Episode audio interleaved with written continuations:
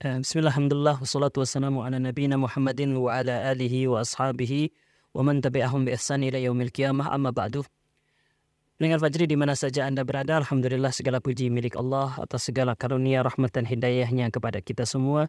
Salawat serta salam semoga senantiasa tercurahkan kepada baginda Nabi Muhammad sallallahu alaihi wasallam, kepada keluarganya dan pada seluruh sahabatnya serta umatnya yang istiqomah meniti jalan beliau sampai dengan hari kiamat nanti. Amin ya rabbal alamin.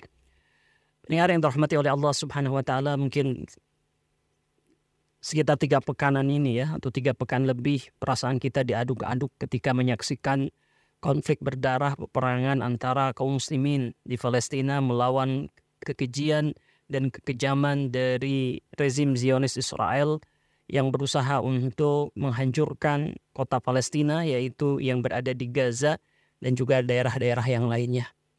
Memang setelah sekian lama ya mungkin lebih dari 70 tahun ya sekitar 75 tahunan ya kaum muslimin di Palestina ini mengalami penjajahan ketika penjajah Zionis Israel itu masuk. Ya kemudian mereka menguasai daerah-daerah menguasai lahan-lahan kaum muslimin yang ada di sana sehingga wilayah Palestina yang tadinya begitu luas dan mayoritas diisi oleh kaum muslimin di sana sekarang tinggal hanya secuil saja ya hanya sekitar sekecil saja daerah yang yang dikuasai ataupun juga diduduki oleh kaum muslimin.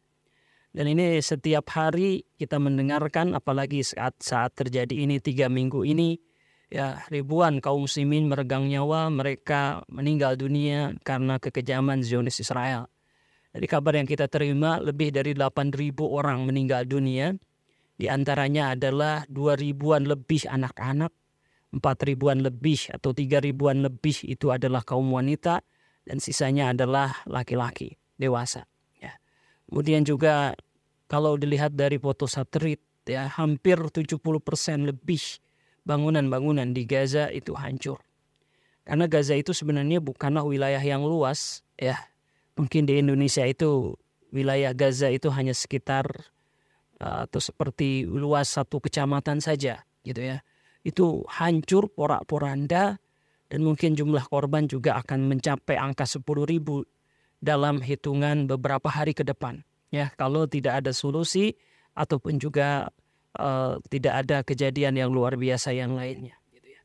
Nah, pendengar di di mana saja Anda berada, membahas Palestina ini adalah pembahasan yang sangat sensitif, terutama bagi kita umat Islam.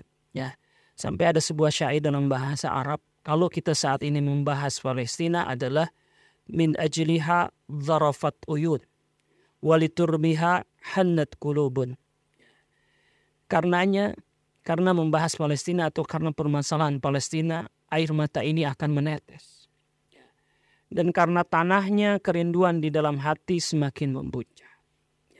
Karena bagaimanapun, ya walaupun jarak antara kita kaum muslimin di Indonesia dengan kaum muslimin yang ada di Palestina itu terbentang jarak lebih dari seribu kilometer. Jauh sekali. Ya. Tapi kita merasakan kedekatan yang luar biasa.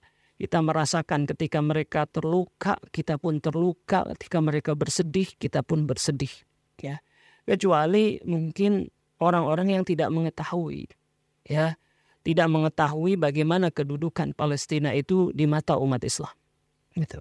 Dan seandainya mereka tidak mengetahui ya atau goflah lalai dalam permasalahan Palestina ini, lantas Eh, tidak merasa tersentuh, tidak ambil peduli terhadap permasalahan Palestina, ini adalah isunya bukan hanya isu kita sama dengan penduduk Palestina adalah beragama Islam, tetapi eh, ini adalah masalah kemanusiaan juga. Ya, masalah kemanusiaan yang di mana negara yang memiliki kekuatan militer yang luar biasa, mereka menghancurkan, mereka tidak tambang, tidak pandang bulu, mereka menghancurkan rumah-rumah warga, mereka menghancurkan dan menyerang rumah sakit, jalanan, tempat-tempat pengungsian dan yang lain-lainnya. Ya, ini adalah suatu hal yang tidak bisa diterima oleh akal kemanusiaan mana pun. Ya, bertentangan dengan hukum internasional mana pun. Tapi semuanya negara-negara yang memiliki kekuatan untuk mencegah itu tidak bisa berdaya yang kan negara katanya perserikatan bangsa-bangsa yang merupakan terdiri dari eh, negeri-negeri ya negara-negara yang begitu banyak pun tidak bisa mencegah. Ya, ini usiku manusia. Yang kedua ini adalah isu kemerdekaan. Dan kita tahu bahwa kemerdekaan sesuai dengan Undang-Undang Dasar 1945 pembukaannya mengatakan bahwa kemerdekaan adalah segala adalah hak segala bangsa. Ya, maka orang Indonesia siapa pun itu tidak memandang agama mereka, tidak memandang suku bangsa mereka. Kalau mereka terjajah, maka kita harus memberikan pertolongan, kita harus memberikan loyalitas, ya. Kita harus ambil peduli. Karena kemerdekaan itu adalah hak segala bangsa, ya. Tapi biarlah pembahasan tentang masalah kemanusiaan ataupun juga kemerdekaan itu uh, dibahas di tempat yang lain. Kita membicarakan kita sebagai bagian dari kaum muslimin, kenapa kita harus peduli terhadap negeri Palestina. Hadirin rahimakumullah, ya kaum muslimin di mana saja Anda berada, sesungguhnya ya wilayah Palestina ini adalah sebuah wilayah ya, sebuah wilayah yang tidak terlalu luas. Ya, dia berada di sekitar Asia Barat, ya. Letaknya walaupun tadi negeri ini adalah negeri yang kecil, tapi negeri ini memiliki kedudukan atau letak geografis yang sangat strategis. Ya, negeri ini terletak di antara dua atau tiga benua. Ya, dua benua yaitu dia terletak di antara benua Asia dan benua Afrika. Ya, jadi pintu gerbangnya melalui Palestina. Orang Asia mau ke Afrika secara apa namanya jalur darat itu pasti melalui daerah Palestina atau yang disebut dengan sekarang ini kota Gaza. Ya, demikian juga orang Afrika sejak zaman dahulu mau ke Asia ya harus lewat Mesir lantas melintasi wilayah Palestina. Zaman dahulu wilayah Palestina ini disebut bagian dari negeri Syam. Ya, negeri Syam. Ya. Negeri Syam ini sekarang di negara-negara zaman sekarang ini bukan hanya satu negara dia, tapi juga terdiri dari beberapa negara. Ya, yaitu selain Palestina ada juga wilayah Suriah, ada juga wilayah Lebanon, ya dan sebagian wilayah Jordan, ya empat uh, empat negara, ya Jordan, Suriah, Palestina, dan juga Lebanon atau Libanon. Gitu ya. Nah, orang-orang dahulu Palestina ini dikenal dengan bagian uh, termasuk wilayah bagian Suriah. Maka disebut wilayah Palestina ini disebut dengan Suriah Janubia atau Suriah Selatan. Ya, ini zaman dahulu ini yang disebut dengan negeri Syam. Ya, negeri Syam. Ya. Nah, balik lagi kepada tema kita pembahasan kita bahwa Palestina itu sangat sangat berharga sekali bagi kaum muslimin. Kenapa? Yang pertama, bahwa di Palestina tersebut ada satu situs, ada satu tempat, ada satu uh, bangunan ya yang itu adalah bangunan yang sangat berharga buat umat Islam. Di sanalah Masjid Al-Aqsa Mubarak berada. Ya. Kita tahu Masjid Al-Aqsa ini kedudukannya sangat penting bagi umat Islam. Bagi setiap umat muslim. Baik umat muslim di Palestina, di Asia, di Afrika, di Eropa, dan juga kita di Indonesia. Kenapa? Yang pertama, dia adalah kiblat pertama kaum muslimin. Ketika Allah Subhanahu wa taala memerintahkan orang-orang yang beriman untuk sholat. 16 tahun, 16 bulan pertama. Ya Rasulullah SAW dan para sahabatnya sholat ya itu menghadap kepada Baitul Maqdis ya atau Masjidil Aqsa. Jadi itu adalah kiblat pertama kita. Ya, sebelum kemudian Allah Subhanahu wa taala menggantikan ya, menggantikan uh, Masjidil Aqsa, uh, kiblat menghadap Masjidil Aqsa kemudian diarahkan menuju Masjidil Haram. Ya, jadi itu adalah tempat pertama kita menuju ketika sholat. Ya, hanya saja ya setelah 16 bulan Rasulullah SAW itu sholat dan para sahabatnya sholat menghadap Baitul Maqdis atau menghadap Masjidil Aqsa itu kemudian dirubah menuju Masjidil Haram. Ya, dan ini adalah dua masjid yang uh, Masjidil Haram dan Masjidil Aqsa dua-duanya adalah masjid suci kita, tempat suci kita. Ya. Dan mereka dua-dua yaitu Masjid Aqsa dan juga Masjid uh, Haram ini adalah masjid yang dibangun hampir bersamaan. Para sahabat pernah ditanya atau pernah bertanya kepada Rasulullah SAW, ya Rasulullah, ya Masjidil Aqsa dan Masjidil Haram itu mana duluan? Ya, mana duluan yang dibangun? Ya, maka Rasulullah SAW menjawab bahwa Masjidil Haram lebih dulu dibangun. Ya, lantas kemudian baru Masjidil Aqsa. Berapa jaraknya? Jarak antara pembangunan Masjidil Haram dengan Masjidil Aqsa itu sekitar 40 tahun. Ya. Jadi ini adalah uh, dua tempat dua masjid suci umat Islam. Jadi sebagaimana kita kalau punya masjid di kampung kita, di perumahan kita, ya, kalau ada orang yang mencoba untuk mengganggu masjid kita, ya, ingin menggusur masjid kita, ingin coba menghancurkan masjid kita, kita akan marah. Ya. Kita akan berjuang untuk tidak jadi atau mencegah terjadinya perusakan, penggusuran masjid kita. Dan itu kedudukannya sekarang seperti itu. Ya, Masjidil Aqsa sekarang berusaha untuk diambil alih oleh oleh orang-orang Yahudi, oleh orang-orang Israel. Gitu. Nah, bagaimana kita?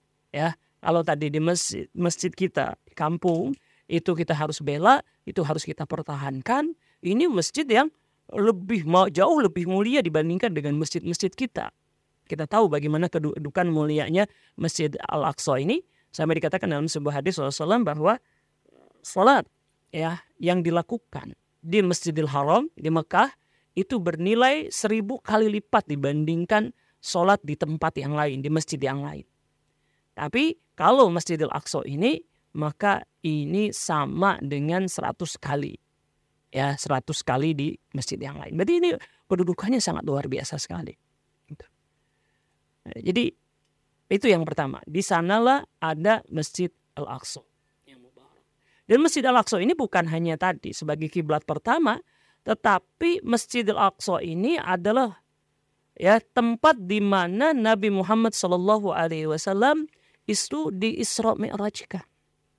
Tempatnya di Mi'rajkan. Yaitu dari Masjid Al-Aqsa itulah Rasulullah SAW naik ke langit ketujuh ya bertemu dengan Allah Subhanahu wa taala menerima perintah sholat lima waktu. Dan ini sering kita bacakan ya sering kita dengarkan ya terutama ketika peristiwa Isra Mi'raj ini dibahas ya di antaranya firman Allah Subhanahu wa taala di dalam Quran surat Al-Isra ayat ke-1 A'udzu billahi minasyaitonir rajim Subhanalladzi asra bi 'abdihi lailan minal masjidil haram ilal masjidil aqsa ya alladzi barakna linuriyahu min ayatina innahu huwas samiul basir Maha suci Allah yang telah memperjalankan hambanya pada suatu malam dari Masjidil Haram ke Masjidil Aqsa. Ya, yang telah kami berkahi sekelilingnya agar kami perlihatkan kepada mereka sebagian tanda-tanda kebesaran kami. Ya, sesungguhnya Allah Subhanahu wa taala Maha mendengar lagi Maha melihat. Ya, jadi ini tempat penting buat umat Islam. Ya, dan sekarang bercoba untuk dihancurkan. Ya, beberapa tahun yang lalu ada peristiwa orang-orang Yahudi atau orang-orang Israel pemukim-pemukim ilegal Yahudi itu menggali terowongan kata mereka ya dan itu akan merusak Masjidil Aqsa ya dengan alasan bahwa mereka ingin kembali menemukan kuil Sulaiman katanya ya dan beberapa pekan yang lalu atau satu pekan yang lalu kaum muslimin di sana juga dilarang untuk melaksanakan sholat Jumat memang eskalasi konflik atau perang yang paling dahsyat itu di kota Gaza gitu ya. Tapi kita jangan lupakan juga bahwa mereka orang-orang tentara tentara-tentara Israel juga uh, menyerang kaum muslimin di tepi barat ya yang ada kota Baitul Maqdis atau kota Ilya di dalamnya ya yang disebut dengan Yerusalem itu ya. Jadi itu ya yang pertama ya di sanalah terdapat masjid ya Al-Aqsa yang penuh berkah. Gitu ya. Yang kedua tanah Palestina sendiri adalah tanah yang diberkahi oleh Allah Subhanahu wa taala. Ya. Tanah suci. Ya, sebagaimana firman Allah Subhanahu wa taala tadi ya yang kita bacakan dalam surat Al-Isra ayat ke-1, alladzi barakna alladzi barakna haulahu. Yang kami berkahi di sekelilingnya. Ya, Kendati mungkin sekarang ditutupi dengan puing-puing hancur kehancuran karena serangan Israel, tidak merubah statusnya sebagai tanah yang penuh berkah. Ya. Dan wilayah Palestina, wilayah Syam, ya, atau khususnya di wilayah Palestina yang dekat dengan Baitul Maqdis dan sekitarnya itu adalah kota suci atau tanah suci. Dari mana dalilnya bahwa itu adalah tanah suci? Firman Allah Subhanahu wa taala Al-Maidah ayat 21. Ya qaumi dkhulul ya qaumi dkhulul ardal muqaddasat allati kataballahu lakum wala tartaddu ala adbarikum fatanqalibu khasirin. Ketika itu Allah Subhanahu wa taala berfirman melalui lisan Nabi Musa alaihi salam. Wahai kaumku, masuklah ke tanah suci, yaitu ke negeri Palestina. Ya, di sini dikatakan tanah suci, ardul muqaddasah. Ya, tanah yang suci yang telah ditentukan oleh Allah Subhanahu wa taala untuk kalian. Dan jangan kalian mundur, ya. Karena takut kepada musuh, maka kalian akan menjadi orang-orang yang merugi kalau kalian mundur. Jadi Allah Subhanahu wa taala mensifat ya, tanah Palestina itu adalah al-ardul muqaddasah. Ya, bumi, tanah yang suci. Itu tanah suci kita. Ya. Tanah suci kaum muslimin yang sekarang sedang berusaha dipertahankan oleh orang-orang Palestina. Jadi kita punya kewajiban untuk peduli dan membebaskan ya tanah itu itu kewajiban kita gitu ya. Hanya saja kita nggak sanggup karena jarak jauh ya ataupun karena alasan-alasan yang lain sekarang itu ditanggung oleh saudara-saudara kita kaum muslimin yang ada di sana. Dan mereka sedang berusaha. Sedang berusaha untuk membebaskannya.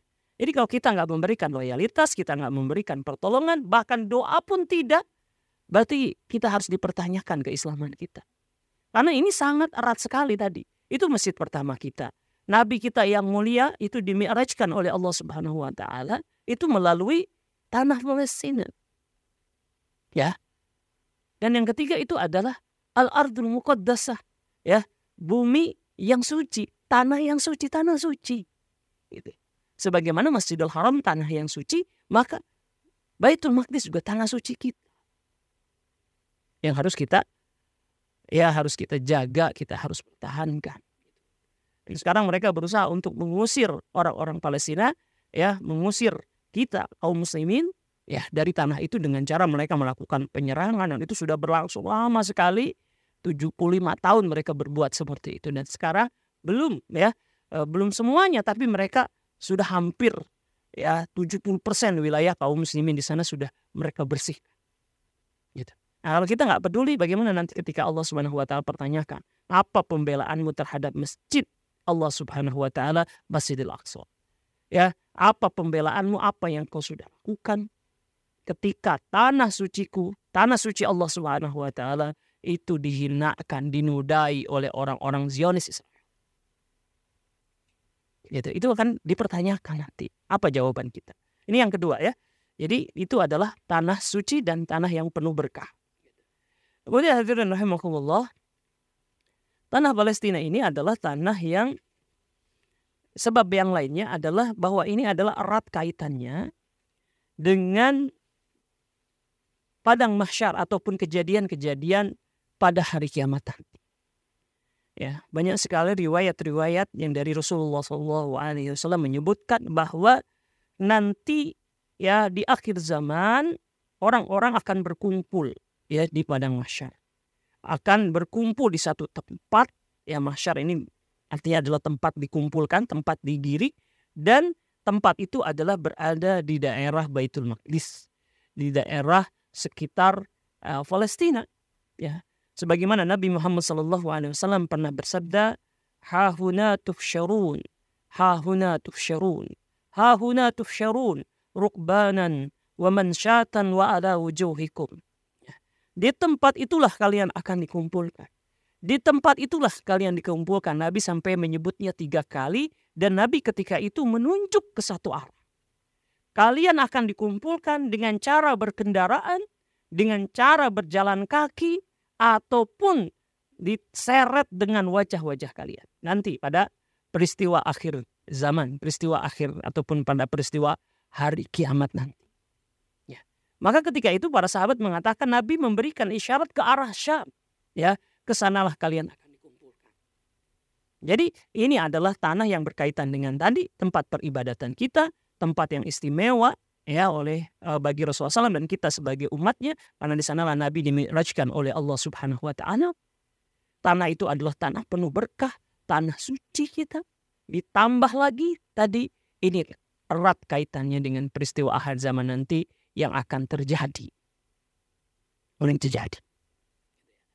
Nah, kemudian yang lainnya, sebab yang lainnya, oleh karena itu, saking pentingnya, ya, seandainya tadi kita hanya menyebutkan ya tiga atau empat kedudukan dari daerah mas, uh, daerah dari Baitul Maqdis atau Masjidil Aqsa atau wilayah Palestina, ya. Sebab yang lainnya adalah bahwa hadirin rahimakumullah, Nabi Muhammad SAW, Nabi kita yang mulia, itu sangat perhatian terhadap wilayah Palestina wilayah Syam. Ya. Nabi Muhammad SAW ketika di periode akhir dari dakwah beliau itu benar-benar memberikan perhatian yang luar biasa kepada tanah Syam. Ya, waktu terjadi peristiwa perang Hondak, Nabi Muhammad SAW memberikan kabar gembira kepada kita bahwa Syam itu akan ditaklukkan suatu hari. Beliau juga sudah mengutus pasukan sampai ke wilayah perbatasan Syam, yaitu ke Yarmouk. Ya, beliau juga ke uh, wilayah-wilayah yang lainnya ya seperti wilayah uh, tadi Yarmuk kemudian juga wilayah Mu'tah itu adalah wilayah-wilayah perbatasan dengan wilayah Syam. Seolah-olah Nabi mengatakan ya saya akan memberikan pembukaan awal agar kalian ya membebaskan Syam. Maka selanjutnya uh, adalah amanah itu ada di tangan di tangan-tangan kalian. Maka Khalifah Abu Bakar Siddiq radhiyallahu an itu begitu beliau jadi khalifah setelah membebaskan dari atau memerangi gerakan kaum murtadat, maka yang dilakukan yang pertama kali beliau lakukan adalah mencoba untuk menaklukkan Syam. Mencoba untuk membebaskan Syam. Nah, ini ya. Dan begitu juga uh, setelah itu Abu Bakar Siddiq radhiyallahu an khalifah sudah beliau yaitu Umar bin Khattab Amirul Mukminin yang kemudian akhirnya membebaskan Syam, membebaskan Baitul Maqdis akhirnya dari tangan-tangan orang-orang Romawi. Ya, eh, dibebaskan oleh Khalifah Umar bin Khattab radhiyallahu anhu. Jadi setiap pemimpin kaum muslimin pasti perhatian dengan uh, wilayah Syah, ya wilayah Baitul Maqdis. Oleh karena itu mereka selalu mencoba untuk membebaskannya, mereka mencoba untuk kemudian menjaganya dengan sebaik-baiknya. Oleh karena itu kita membaca ya banyak sekali ucapan dari para pemimpin kaum muslimin zaman dahulu zaman dahulu ya. Kalau sekarang ya, banyak pemimpin-pemimpin kaum muslimin yang tidak peduli ya atau tidak bisa berbuat apa-apa ketika Palestina dalam keadaan terjajah ya. Di antaranya adalah seorang dari pemimpin ya, dinasti Ayyubiyah ya namanya adalah Nuruddin Azanki ya. Beliau mengatakan astahi minallah an atabassam ya wa baitul maqdis fil asr. Sesungguhnya aku malu kepada Allah Subhanahu wa taala, aku masih senyum-senyum, aku masih bisa senyum sementara Baitul Maqdis masih tertawan, masih terjajah, masih terpenjara. Ya. Aku senyum saja ngerasa malu kepada Allah. Ya. Kok bisa Baitul Maqdis masih terjajah, Baitul Maqdis ya yaitu Masjidil Aqsa daerah Palestina ya masih dijajah sementara aku senyum-senyum. Kata Mahmud Durudin Salahuddin Al-Ayubi penerusnya itu lantas kemudian dia berjuang sungguh-sungguh mengangkat kepalanya, mempersenjatai dirinya, lantas kemudian Allah bukakan jalan baginya untuk membebaskan Baitul Maqdis. Saifuddin Kutus, seorang pemimpin dari dinasti Mamluk. Ini salah satu episode kekuasaan Islam ya zaman dahulu. Itulah dia membebaskan Baitul Maqdis, membebaskan wilayah Syam, wilayah Palestina dari jajahan tentara-tentara Mongol. Pada abad ke-7, ya, abad ke-7 sekitar tahun 658 Hijriah, tentara Mongol datang dan menyerbu seluruh wilayah-wilayah Islam. Ya, sampai mereka masuk ke Persia, mereka masuk ke Romawi, sampai akhirnya wilayah kekuasaan kaum muslimin yang ketika itu berada di tangan dinasti Abbasiyah dihancurkan. Hanya waktu 40 hari, satu jutaan orang lebih kaum muslimin dibantai oleh tentara Mongol. Nah setelah mereka menguasai Baghdad, mereka menyerbu daerah-daerah yang lainnya, termasuk daerah Palestina. Termasuk wilayah Syam semuanya tunduk kepada kekuasaan Mongol. Mereka dihancurkan, mereka dianiaya, dizolimi, penduduknya dibantai dijajah oleh tentara Mongol. Ya. Maka ketika itu bangkitlah seorang sultan dari Bani Mamalik disebutnya yang berasal dari Mesir namanya Saifuddin Qutus. Ya, dia dengan kekuatan yang ada tanpa rasa gentar di mana ketika itu kaum muslimin yang lainnya gentar mereka. Jadi ketika tentara Mongol itu baru terdengar akan masuk ke wilayah kaum muslimin, mereka sudah ketakutan pemimpin-pemimpin itu. Kecuali hanya sedikit, termasuk di antaranya Saifuddin Qutus yang berasal dari Mesir. Maka mereka datang kemudian, ya, kemudian masuk ke Baitul Maqdis dan membebaskan Baitul Maqdis. Apa seruan ataupun ucapan Saifuddin Qutus ketika dia berusaha untuk membebaskan Al-Aqsa, membebaskan Baitul Maqdis, membebaskan Palestina? Dia berteriak-teriak selain takbir. Ya, dia berteriak Islamah wa Islamah wa Islam. Di mana keislaman kalian? Di mana keislaman kalian ketika Baitul Maqdis terjajah? Yang lainnya di antaranya adalah Sultan dari terakhir ya, Sultan terakhir dari kekuasaan Turki Utsmani, namanya Abdul Hamid II. Dia pernah mengatakan, La akdiru an abi'a walau qadaman wahidan min Filistin. Ya, demi Allah saya tidak akan menjual Palestina walaupun hanya ya sepanjang langkah kaki. Tak akan pernah aku jual. Sedikit pun gak akan pernah aku jual. Ya, karena ini adalah amanah ya bagi kaum muslimin untuk menjaganya. Gak boleh dia hilang walaupun hanya sejengkal saja. Maka mereka berusaha ya untuk tidak menjual walaupun ketika itu uh, dalam keadaan sangat kesusahan ya banyak kalah perang waktu di terakhir-terakhirnya tapi urusan Palestina ini adalah urusan dan tanggung jawab uh, kaum muslimin terutama pemimpin-pemimpin mereka gitu ya jadi karena itulah kaum muslimin berusaha untuk terus bertahan di sana dan sampai sekarang mereka dari dulu mencoba bertahan ya walaupun dengan batu-batu yang berterbangan kepada tentara-tentara penjajah Zionis Israel ya tapi anak ini adalah tanggung jawab mereka sebagai kaum muslimin dan kita pun ya itu merasa memiliki tanggung jawab atas keadaan saudara-saudara kita di sana gitu. nah Pendengar Fajri di mana saja Anda berada dari uraian yang singkat ini berdasarkan dalil-dalil yang kita sampaikan tadi jelas ya orang bisa membela Palestina itu karena masalah kemanusiaan. Bisa membela Palestina karena kemerdekaan adalah hak asasi manusia. Hak segala bangsa. Ya. Tetapi kita kaum muslimin ya ini adalah lebih kuat lagi kepedulian kita karena bukan hanya masalah tadi kemanusiaan, bukan hanya masalah kemerdekaan, tapi ini juga adalah masalah agama kita. Ya, tanggung jawab kita terhadap diri kita. Ya, apa yang harus kita yang bisa kita lakukan untuk kaum muslimin di sana? Banyak sekali, ya. Dan kita akan dimintai pertanggungjawaban di sisi Allah Subhanahu wa taala. Ya, nanti ketika Allah bertanya apa yang kau sudah lakukan untuk Masjidil Aqsa? Apa yang kau sudah lakukan untuk tanah Syam yang dipenuh di berkah, tanah suci itu ya engkau sudah lakukan apa apa pembelaan. Gitu.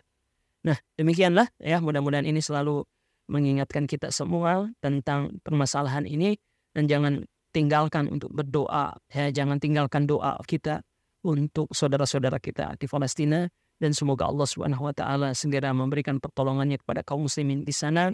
Semoga Allah taala menerima orang-orang yang meninggal sebagai golongan syuhada dan orang-orang yang yang sakit, yang menderita luka-luka disembuhkan oleh Allah taala.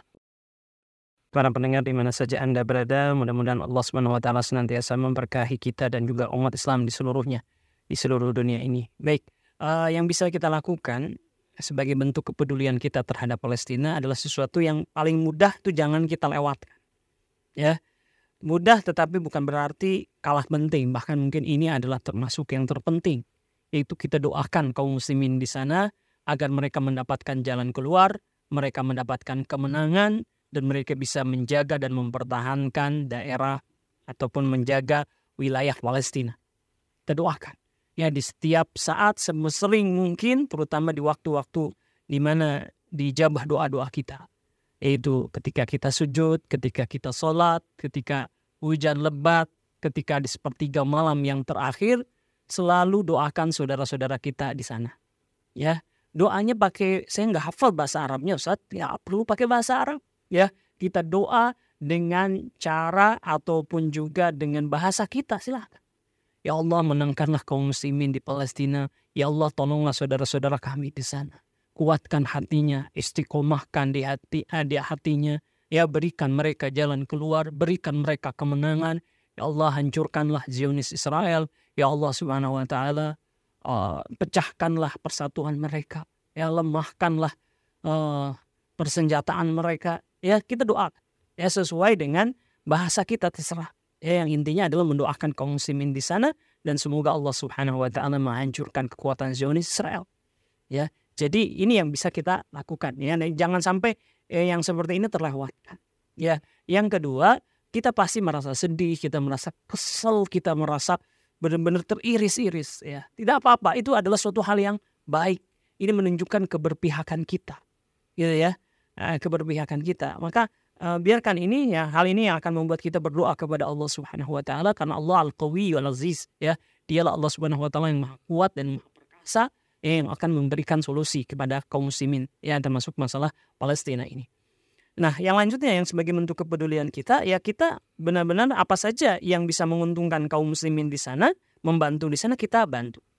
Misalkan kaum muslimin di sana memerlukan uh, obat-obatan, memerlukan makanan, ya ataupun apa pun yang diperlukan oleh mereka kita bisa kalau kita diberikan keleluasaan harta kita bantu mereka ya. Lewat lembaga-lembaga yang terpercaya ya silakan dicari informasi bagaimana lembaga-lembaga apa saja yang bisa dipercaya gitu ya untuk menyalurkan bantuan kita ke sana. Mungkin pemerintah juga setahu saya juga membantu kaum muslimin di sana mengirimkan obat-obatan dan yang lain-lainnya gitu ya. Ini bisa dilakukan gitu ya. Atau apa pun yang bisa seandainya bisa menghentikan kezaliman dari Zionis Israel. Ya itu bisa dilakukan. Termasuk adalah memboikot produk-produk mereka. Ya produk-produk buatan mereka. Apa saja. Ya kan itu banyak juga tuh ya eh, produk-produk mereka yang ada kode negara Israelnya. Ya ataupun mungkin perusahaan-perusahaan yang lainnya yang berafiliasi kepada keuangan negara Israel. Itu bisa dicari produk-produk apa kita tidak menggunakannya sebagai bentuk loyalitas kita. Gitu ya. Itu yang bisa dilakukan. Atau apa saja itu ya yang bisa kita lakukan. Tapi yang termudah ya jangan sama sekali tinggalkan doa untuk berdoa kepada saudara-saudara kita di sana. Ini ada yang dirahmati oleh Allah Subhanahu wa taala. Ya, tadi kita katakan bahwa sikap kita atau perasaan kita yang sedih, yang teraduk-aduk, teriris-iris gitu kan ini suatu hal yang positif ini menunjukkan keberpihakan kita kepada kaum muslimin di sana ya tapi ini harus diiringi juga dengan sikap yang positif ya di antaranya tadi kita membantu pedulinya pada hal-hal yang lebih real berdoa kepada Allah Subhanahu wa taala membantu ya, untuk kaum muslimin yang di sana ya berdonasi lewat lembaga-lembaga yang amanah, lembaga-lembaga yang dapat terpercaya dan bisa sampai ke tempat itu. Itu ini yang dilakukan. Nah, adapun uh, kalau misalkan kita anda misalkan kok ini sepertinya Allah nggak menolong mereka.